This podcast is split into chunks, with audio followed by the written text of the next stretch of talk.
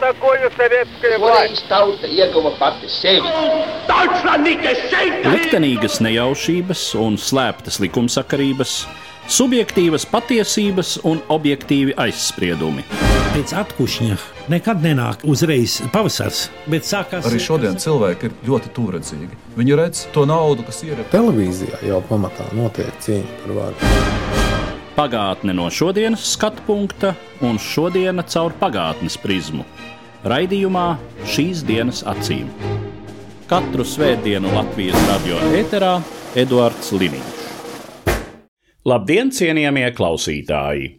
479. gadā pirms mūsu ēras notika kauja pie Plātajām, vietā, kas atrodas uz ziemeļrietumiem no Atēnām, mūsdienu Grieķijas galvaspilsētas, kas jau toreiz bija viena no lielākajām un ietekmīgākajām Grieķu pilsētām. Šajā kaujā neatkarīgo Grieķu pilsētu apvienotā armija sakāva Grieķijā iebrukušo Ahaimenīdu Persijas impērijas karaspēku. Šī Grieķu uzvara izbeidza vairākas desmitgades ilgušos milzīgās Āzijas impērijas Persijas mēģinājumus pakļaut sev Grieķu zemes. Par to, kāpēc šai kaujai, no kuras mūs šogad šķir divi ar pusi tūkstoši gadu, ir izšķiroša nozīme Eiropas civilizācijas liktenī, mana tiešsaistes saruna ar vēsturnieku Latvijas Universitātes profesoru Hariju Tumanu. Grieķija šajā laikā ir tiešām tādu polisu konglomerācija. Primitīvi sakot, polise ir pilsētu valsts. Katrai pilsētai ir neatkarīga valsts ar sev piederošu teritoriju, kas šo pilsētu baro, un parasti arī ar ostu. Nu, lai gan ne visas polises bija pie jūras, protams, bet nu, tās attīstītākās, tās nozīmīgākās parasti atradās pie jūras. Šīs pilsētas pat bieži vien atrodas kara stāvoklī viena ar otru, ir neatkarīgas. Katra ir kaut kāda sava pārvaldes sistēma, sava likumdošana, protams, interešu pretrunas un konfliktu tā tālāk. Tā tālāk. Vidēji katrā polisā uz to brīdi varēja būt divi, trīs, jau ļoti daudz, ir 4000 pilsoņu. Bija divas lielākās polisas, Atēnas un Sparta, kur bija pa 6 un 10 tūkstoši pilsoņu, tādēļ, ka šīm valstīm piederēja lielākā teritorija. Lai gan arī nav viss tik ļoti viennozīmīgi un skaidri, cipari ir ļoti aptuveni. Tāda raiba pasaule. Pretī tai stājās Persijas Ahamenīdu dinastijas impērija. Tas ir tāds milzīgs politisks veidojums, kas pieder jau pirmā gada tūkstoši pirms mūsu ēras pasaulē. Tā tieši austrumos jau impērija pasaulē. Pirms tam jau bija vairākas impērijas, nu, bet tieši pirmā gadā tūkstoši veidojas tādās globālas impērijas. Un Persija ir tā lielākā un varenākā senās pasaules impērija, kurā apvienoja zem savas varas visus tos austrumus līdz pat Indijai un Vidusāzijai. Tātad ieskaitot daļēji gan Vidusāziju, gan Indiju. Tātad spēcīga monarhija tieši 6. gadsimta beigās, pēdējā ceturksnī, Persija kļuva aktīva rietumu virzienā. Tas faktiski arī noved pie konflikta. Un, nu, faktiski mēs varam teikt, ka tā ir vēsturiska laime, tāds laimīgs liktenis, ka Persija izrādīja interesi par rietumiem, par Eiropu, par Eiropas grieķiem. Tajā brīdī, kad grieķu civilizācija jau bija pietiekami attīstījusies, ka tā varēja dot pretriecienu Persijai un aizstāvēt savu neatkarību. Jo faktiski tajā brīdī izšķiras civilizācijas liktenis, būt vai nebūt Eiropas civilizācija. Ja mēs tikai iedomāsimies, kas būtu noticis, ja Persijai izdotos pakļaut Grieķiju, tad nu, mēs saprotam, ka rietumu civilizācija varētu arī neizveidoties. Tātad būtu tikai austrumu civilizācijas filiāli. Nu, bet vēsture pagriezās tādā veidā, ka Grieķiem izdevās atvairīt Persijas invāziju un aizstāvēt savu neatkarību. Jūs jau faktiski pateicāt to būtiskāko, kāpēc mums ir vērts par šo momentu runāt, par šiem grieķu persiešu kariem. Nu, no otras puses, ja mēs paskatāmies uz šo Persijas impēriju, tad tā arī ir, nu, teiksim, savam laikam salīdzinoši, varētu pat teikt, progresīva valsts. Jo Persieši ir tie, kuri netiecas, atšķirībā no visām iepriekšējām, tuvo austrumu lielvalstīm, totāli paverdzināt pakļautās tautas, kā mēs zinām šos piemērus, ka, teiksim, tautas tiek masveidā deportētas, pārvietotas uz pavisam citu impērijas nostūru un tam līdzīgi. Nu, jā, jā, mēs lietojam šo vārdu progress, lai gan es parasti atturos lietot šo vārdu, ja nerunāju par tehnikas un zinātnes progresu, kur tas ir acīmredzams, sabiedriskajā dzīvē, tas, manuprāt, nav tika uzskatām, bet, protams, jums nevar nepiekrīst, ja, ka Persijas impērija ir tāds pozitīvāks tēls nekā iepriekšējā lielvara tuvojas austrumus, kas bija tiešām tāpat Asīrijas impērija, nu un kaut kādā mērā arī Jaunbadonijas impērija, ja, par kuru mēs arī zinām, ka tiešām praktizēja to, ko es teicāt, šo tradīciju pakļautās tautas izraut no pierastām dzīvesvietām, pārcelt uz citām impērijas daļām un sajaukt un tā tālāk. Ja. Nu, tas bija, lai gan tur arī nu, par paverdzināšanu, kā kurā brīdī, piemēram, Babilonijas impērijā, Nebukadnēcars otrais ieņem Jeruzalēmu un aizved ebreju tautu trimdā. Bet nu, mēs zinām, ka tālāk jau Babilonija nekļuva par vergiem visi, bet tika izmitināta teritorijās un varēja nodarboties ar biznesu. Katrā ziņā ir pilnīgi skaidrs, ka Persijas impērija rāda mums pilnīgi citu piemēru. Persijas vara prasīja no pakļautām tautām tikai divas lietas, proti, maksāt nodevas un ievērot lojalitāti. Šajā ziņā, protams, šīs Persijas varas jūgas bija daudz patīkamāks nekā tāds Asirijas lielvara. Jāsaka, ar grieķiem nebija tik vienkārši, tādēļ, ka grieķi ļoti labi dzīvoja pirms tam zem citas austrumu varas. Proti, mazāzies piekrasti apdzīvoja grieķu ciltis, tā saucamie jonieši, zināms arī joniešu dialekts tāda nu, grieķu tautas daļa, kas apdzīvoja mazās piekrastes, tur bija grieķu pilsētas, un lūk, šīs pilsētas tika pakļautas iepriekšējai reģionālajai vārai, kas bija Līdijas valsts, un Līdija vadīja slavenais valdnieks Krejs, un nu, viņa valsti saka persieši. Grieķu attiecības ar Līdiju bija patīkamākās. Tad, tur arī bija tas pats princips, ka grieķi tikai maksā tādas nelielas diezgan nodevas un ievēro lojalitāti. Tad, kad iekaroja persieši grieķu pilsētas, tad um, grieķi vairs nedabūja tik labvēlīgus apstākļus.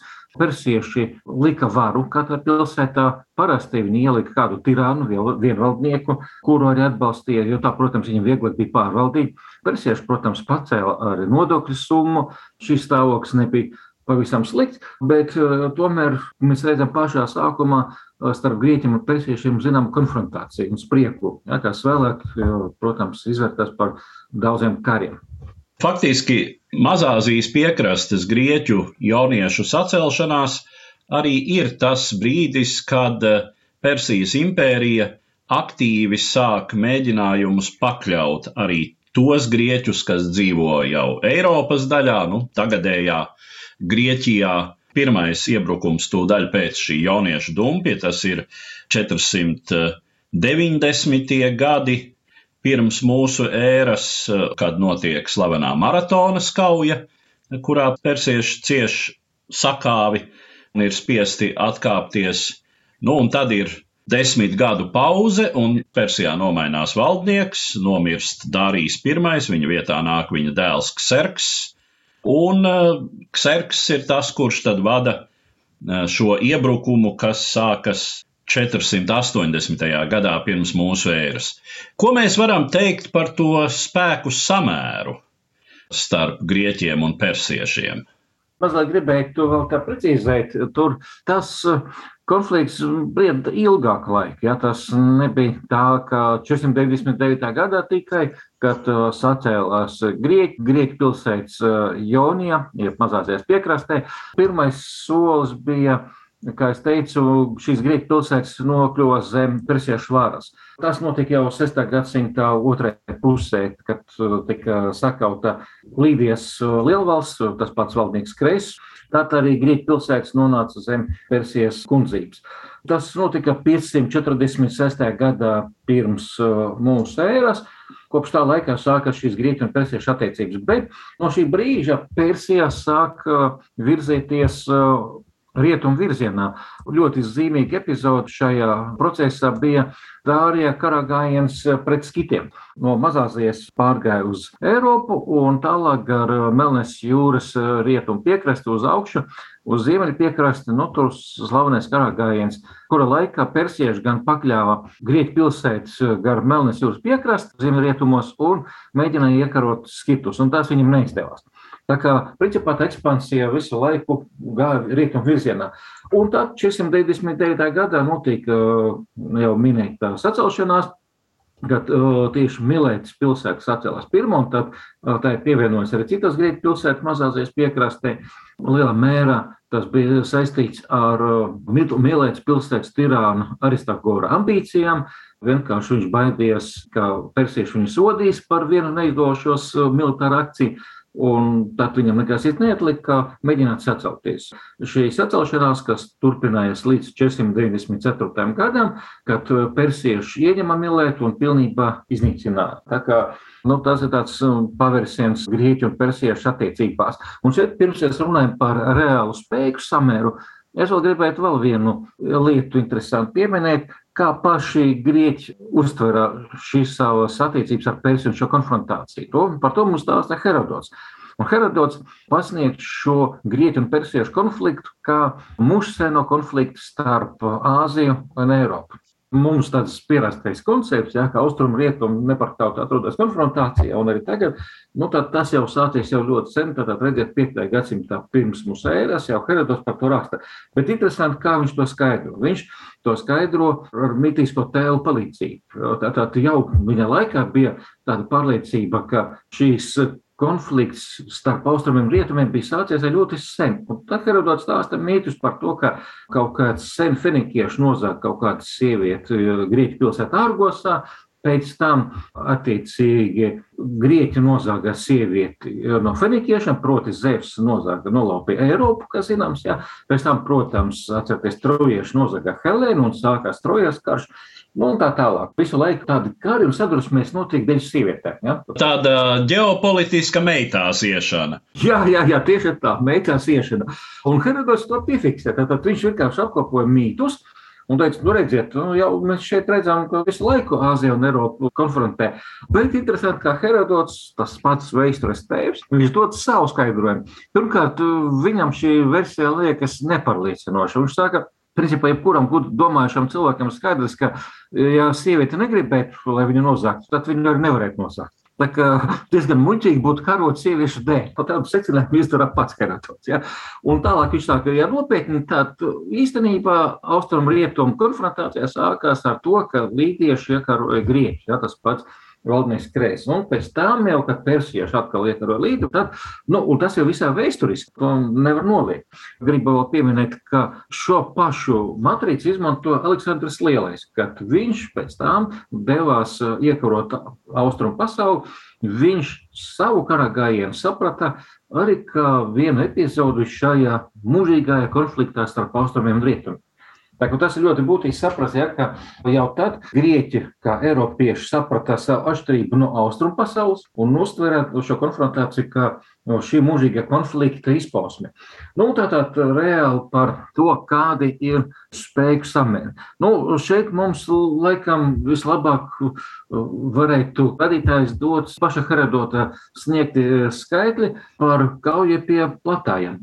Nu, pēc Herodota sanāk tad kopā grieķiem kaut kādi 100, 110 tūkstoši karavīri. Nu, tā arī citi antīki avoti runa par to pašu. Iepratī tam, nu, ja klausīties Herodotam, tad uh, tur kaut kā 300 tūkstoši persiešu. Bet uh, iebruka vēl vairāk. Vispār viņš nu, kaut kāds fantastisks skaitļus, min par faktiski miljonus sanāk. Ja viņā klausās, tad ir tā, ka persiešu karaspēks kaut kur jau sasniedz uh, Grieķijas vidusdaļu, tad karaspēka pēdējais karavīrs vēl tikai pārcēlās pāri Bosforas jūras šaurumam. Pēc mūsdienu aprēķiniem Nu, tā arī varētu būt, ka persiešu karaspēks bija kaut kādi 300 tūkstoši cilvēku. Nu, reti kurš zinātnieks sauca lielāku skaitu. Nu, un, attiecīgi, tā, kad grieķi spēja apvienoties, tad viņi bija 100, 110 tūkstoši. Lai gan atkal lielākoties pētnieki uzskata, ka reāli varbūt varētu būt 80 tūkstoši tā apvienotie grieķu karaspēkā. Nu, un, attiecīgi, persiešu pusē tajā kaujā varētu būt apmēram tikpat daudz, varbūt mazliet vairāk, līdz 120 tūkstošiem. Var sakot, šeit mums nav skaidru datu, Nu, mēs varam tikai minēt, cik daudz bija to persiešu. Bet nu, neapšaubām, ka kara pirmajā posmā viņu bija daudz vairāk nekā grieķu, nu, kādi 300 tūkstoši, varbūt 200 tūkstoši, nu, kā kurš pētnieks apsaka, varētu būt. Tātad pārspēks bija milzīgs. Cita lieta, ka spēku kvalitāte bija atšķirīga. Grieķu karaspēku kodolu veidoja smagi bruņot kainieki, tā saucamie hoplīti, kuru rīcībā bija smags bruņojums, tas, ko es saucu par hopla. Pirmkārt, tas ir vairoks, apaļais vairoks, tad ķivere, tad krūša bruņas, šķēps, zobens, nu, un tad, attiecīgi, tur uz rokam un kājām vēl var būt metāla plāksnes. Un plus pati falanga, militāra formācija, kad karavīri nostājās vienā līnijā, vairākas rindas dziļumā uz iekšu, un kur karavīri stāv plec pie pleca Un Falankā paredzēja arī zinām taktisku prasmi, prasmi cīnīties un pārvietoties, saglabājot šo taisnu līniju. Katram bija tāda sava vieta, jānotur precīzi, lai viens otru piesaiktu ar vairogu un lai saglabātu šī tāda droša līnija tas spēks attiecīgi. Jo, protams, ka tūcīņā šeit izšķiroša nozīme bija tieši tam, vai karavīri varēja noturēt šo taisnu līniju viens otram blakus. Un, ja kāds priekšējais karavīrs kritā, viņā vietā nostājas nākamais. Tāda speciāla formācija speciāli apmācītiem karavīriem. Nu, pēc tam vēl jāatgādina, ka Grieķiem bija arī militāra apmācība Grieķu pilsoņiem.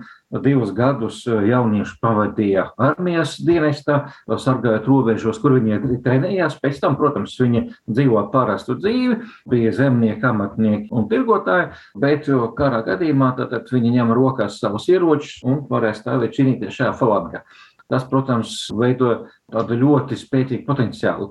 Savukārt, persiešu karaspēka lielākoties veido viegli bruņot kainīgu un kavalēriju. Nu, pēc tam īpaši slavena bija kavalērija, kur jātnieki prātā ātri uzbruk un apmetāt pretiniekus ar metāmiem šķēpiem vai ar bultām. Viņi arī prātā šaut uz zirga, un, protams, arī kainieki bija liela daļa bruņot ar lokiem, bet viņiem nebija smaga bruņojuma, un vispār persiešu karaspēks bija ļoti raips. Herodots apraksta, ka šīm karam, Kserks, kad viņš devās devās uz uh, Grieķiju 480. gadā.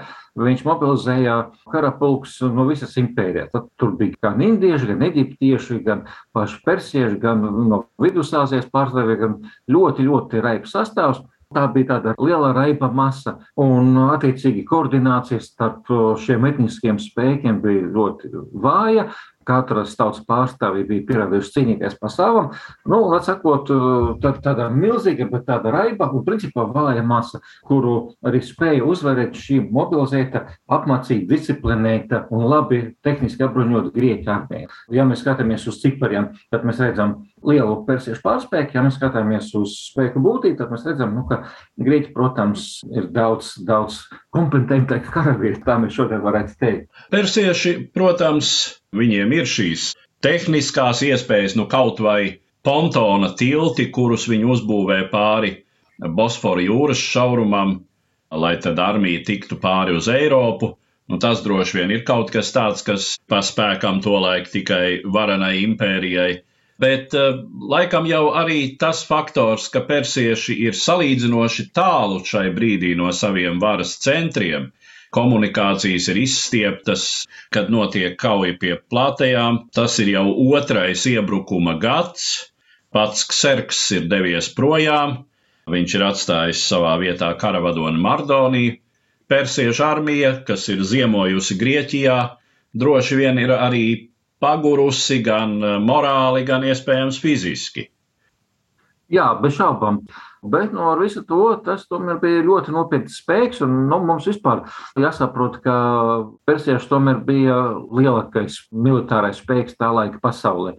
Pirms tam jau bija kaujas. Jā, visi jau zina, kā, ar ko sākas tas persiešu kara gājiens. Vispirms bija tā termopila aizā, kur tie 300 partieši krita ēla. Gan, protams, tur jau bija arī citi grieķi, bet nu, mēs zinām par to, ka tie 300 partiešu varoņi, kas krita, spēja 3-4 dienas noturēt uh, visu šo lielu armiju, pateicoties izdevīgai pozīcijai. Pēc termopila aizas persieši ieņema Atēnas, tā kā viņi ieņema faktiski lielāko daļu no Grieķijas, un palika tikai Peloponēsas pussala.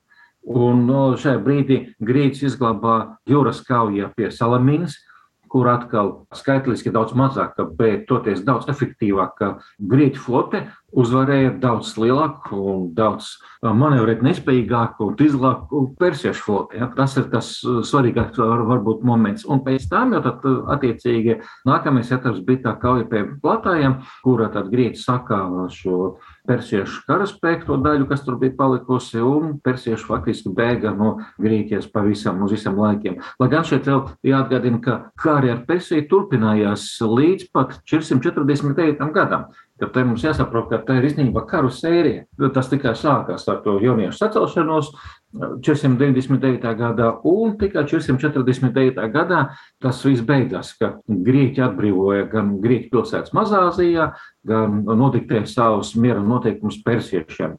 Jā, atgriežamies pie spēkiem. Protams, jūs ļoti labi pieminējāt to faktoru, ka morālais stāvoklis persiešu karaspēks bija paguris. Un droši vien, ka demoralizējuši lomu spēlē tas fakts, ka pats Sergs jau pameta karaspēku tajā brīdī.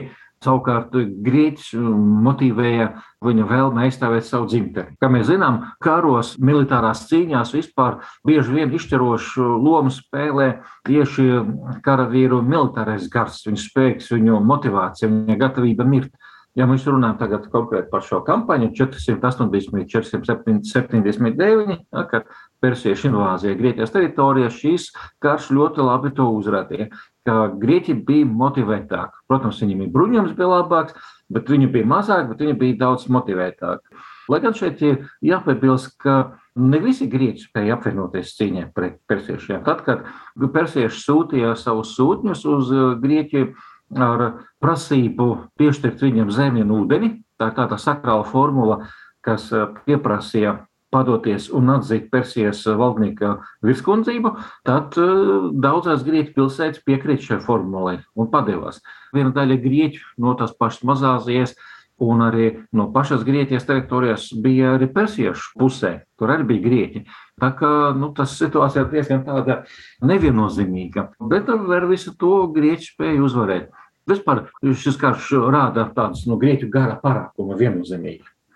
Par pašu kauju pie platējām pretstāve risinās vairākas dienas, pretinieki ilgi neviens ne otrs neuzdrīkstas pamest uh, savas izdevīgās pozīcijas, gaida, kad uzbruks otrs, un faktiski situācijā, kad persieši izmantojot savu kavalēriju ir pārtraukuši grieķiem piegādes un arī atspieduši viņus no vienīgā ūdens avota, kas ir grieķu pozīcija tūmā, nu tad grieķi sāk atkāpties, un šajā brīdī, acīm redzot, Mardonijas pārvērtē savus panākumus un uzbrūk atejošajam grieķu karaspēkam, bet izrādās, ka grieķi ir spējīgi pietiekami ātri atjaunot kaujas kārtību, Laikam arī tāds kritisks brīdis persiešiem ir tas, kad pats Mardonijas persiešu armijas komandieris krīt šai kaujā un tad sākas panika, atkāpšanās un faktiski slaktiņš. Grūti jau spriest par tiem skaitļiem, cik persieši tiešām piedalās šai kaujā, bet eh, nu, salīdzinoši lielākā daļa no viņiem arī tad tai kaujā krīt, kas nozīmē desmitus tūkstošu kritušo. Nu, jā, tur atkal ir cipari nesaprotami. Herodots raksta kaut kas 159. Tas ir, protams, nereāli. Plutārs jau raksta 1360, kas ir daudz reālāk, bet uh, vēl citi autori jau runā pat par desmit tūkstošiem. Nu, attiecīgi, persiešu pusē kritošo bija Nu, Herodots raksta 257 tūkstoši, tas arī fantastisks cipars. Teodors raksta, ka 100 tūkstoši cilvēku, nu, bet um, mēs tā spriežam, ka Varbūt kā, nu, varēja būt nu, 50 tūkstoši, 70, 80 tūkstoši, varbūt maksimāli. Bet arī jā, tas ir ļoti interesants. Arī ļoti labi, ka jūs to pieminējat, ka tiešām kaujās sākās tādā diezgan haotiskā veidā. Nu, ļoti grūti saprast pēc Herodota apraksta, kas tur notiek, bet skaidrs ir tas, ka tiešām grieķi bija maršā, viņi pārvietojās, viņi atkāpās, mainīja pozīcijas, un tajā brīdī sāks uzbrukumi. Tu tieši Grieķu militārā drosme, viņu taktika, gudrība, viņu disciplinētība bija laikam tie izšķirošie faktori, kas arī radījuši uzvaru. Tādēļ, ka Grieķi spēja tiešām pārkārtoties un kaut kā mobilizēties, sakārtoties un uzvarēt šo uzbrukošu pretinieku. Interesants ir tas fakts, ka pēc uzvaras kad savāc kritušos trofejas Grieķu nometnē sāka strīdi par to, kurš tad ir visvairāk nopelnījis šo uzvaru. Un, attiecīgi, katrs pilsētas pārstāvis nosauca sevi. Tā arī faktiski tā palika. Katrs karaspēks aizgāja uz mājām ar pārliecību, ka tieši viņi bija tie, kas atnesa uzvaru šajā kaujā. Lai gan, protams, viņi saprata, ka laikam nu, kaut kāda priekšrocība ir spartiešiem un pausāniem, ķēniņam, kurš vadīja šo spartiešu karaspēku, jo galu galā viņš vadīja arī apvienot karaspēku. Jūs pieminējāt šo būtiskāko aspektu Āzijas vai Eiropas dominante mūsu pasaules daļas vēsturē. Vai jūs varat iezīmēt tās principiālās atšķirības domāšanā, kultūrā, kas tajā laikā jau atšķīra Eiropu no Āzijas un kuru dēļ bija tik būtiski, lai grieķi šai cīņā noturētos, uzvarētu un nekļūtu par Persijas impērijas vasali. Es varētu veselu lekciju nolasīt, plašs temats, ja, bet nu, tā īsi var pateikt, ka, nu, protams, tas ir politiski formāts šķrībā. Tātad Persijas monarhija, tā ir absolūta monarhija, Grieķu polisās lielākoties valdīja aristokrātiskas republikas, nu, kur ir kaut kādas demokrātiskas procedūras, proti, vēlēšanas un tautas sapulču sanāksmes un balsošana. Nu, Atēnas jau ir demokrātiska polise, lai gan par demokrātiju vēl ļoti nosacīts priekšējā laikā, tādēļ, ka tāpat pie amatiem tika aristokrāti un turīgāki pilsoņi tā laika vēl līdz tā slavenai demokrātijai vēl vajadzēja paiet kādam laikam, bet, var sakot, šeit ir republikāniska tradīcija. Mēs runājam politiskām atšķirībām, bet, protams, ir arī citas, ir arī ekonomiskās. Nu, austrumos Persijā, protams, dominējušā ekonomiskā forma bija valsts īpašums un nu, kaut kāds tempļu īpašums, cilšu īpašums un tā tālāk. Nu, savukārt Grieķijā jau mēs redzam, ka de facto ir šis privāta īpašuma forma, kā katram pilsonim ir savs zemes gabals, ko viņš apstrādā, ar ko viņš sevi uztur. Līdz ar to šeit uh, nākamais svarīgākais moments ir tā atšķirība starp uh, to, kā indivīds uh, iekļaujas sabiedrībā un kāda ir individu vieta sabiedrībā. Ja austrumos indivīds pakļauts kolektīvam, tur mēs redzam atkal dominē šis kolektīvs, cilts, varbūt tauta, tā ir valsts. Tur cilvēks ir ļoti integrēts šajās kolektīvās formās, un tās ir dominējušas viņa apziņā, gan ekonomiskā dzīve, gan psiholoģiskā dzīve. Tātad Grieķijā mēs redzam, dominējušas ir šis individuālis princips. Pilsonis apzinās sevi kā neatkarīgi pilsoni ar savām tiesībām un ar saviem pienākumiem. Viņam pienākums ir uh, cīnīties par valsti, aizsargāt savu valsti, piedalīties valsts politiskajā dzīvē, bet viņš pārstāv sevi. Polisu veido brīvie pilsoņi. Tādēļ mēs varam runāt, ka šeit piedzimst rietumu civilizācija. Tas ir rietumu civilizācijas pamats, individuāla apziņa, individuāla organizācijas forma, kas izstrādāja priekšstatu par pilsoni un valsti, par pilsonisku atbildību, par pilsoņu vietu sabiedrībā, tā ir cita pasaule, kas atšķiras no austrumu pasaules, pēc dzīves formām, pēc saimniekošanas formām, un, protams, arī psiholoģiski, arī pēc kultūras formām. Tādēļ, ka tieši Grieķijā dzimst tas, ko mēs saucam par individuālu autoru kultūru, par autorību. Vēl Homers, kas zināms, vēl kā autors neeksistē. Tādēļ arī paši grieķi nezināja par viņam neko teikt, ne kur viņš dzīvo, ne kad viņš dzīvo. Bija septiņas pilsētas, kuras pretendēja saukties par uh, Homēra dzimteni, viņš nekur sevi nepiemina. Bet nākamais lielais autors ir Hesiots, kurš jau nosauc savu vārdu un kaut ko pat pastāst par sevi. Un pēc tam mēs redzam, ka visi grieķu rakstnieki, dzēnieki, filozofi, viņi visi vispirms pieteica sevi, savu autorību. Un tāpat arī mākslā. Mākslinieks uztaisīja greznu trauku ar greznu gleznojumu, viņš pāraksta. Austrumos atkal arī kultūras laukā dominēja tā laika šīs kolektīvās formas, Ir, protams, cilvēki, kas sacer, bet viņi bieži vien paliek anonīmi. Ja? Tā ir tāda principiāla anonimitāte. Šeit radošais darbs, viņš atspoguļo kaut kādas absolūtas sakrālas patiesības, vai valdnieka gribu, vai tautas gribas kaut kādu aktu un tā tālāk. Šeit pašam autoram nav nozīmes, un viņa vārds arī netiek saglabāts. Grieķijā mēs redzam šo individuālu apziņu, individuālo kultūru, individuālu dzīves formu. Šeit ir rietumu civilizācijas šūpulis. Šeit ir piedzimtas galvenais vērtības, uz kurām balstās pēc tam visu laiku rietumu civilizācija. Lai gan, protams, nebija ne tā vārda, ne apziņas par civilizāciju. Viņi tādās kategorijās nedomāja, saprotams, Bet nu, mēs šodien, skatoties uz to visu, varam teikt, ka, jā, ka viņi faktiski aizstāvēja rietumu civilizāciju. Paši to nezinot, bet viņi to izdarīja. Ja pēc tam, kad mēs zinām, ka Grieķija iespēja Romu, un Roma atkal ir visas nākamās Eiropas ja, pamats tādā skolotāja. Tad mēs redzam, ka 480. 79. gadā izšķirās faktiski rietumu civilizācijas liktenis, būt vai nebūt šai rietumu civilizācijai. Līdz ar to izskan mūsu raidījums, kas bija veltīts antīkās Grieķijas spēku uzvarai kaujā pie platajām pirms divu ar pus tūkstošiem gadu. Mans sarunbiedrs tieši saistē bija vēsturnieks Latvijas Universitātes profesors Harijs Tumans. Uzredzēšanos cienījamie klausītāji! Katru svētdienu Latvijas radio viens par pagātni sarunājas Eduards Liniņš.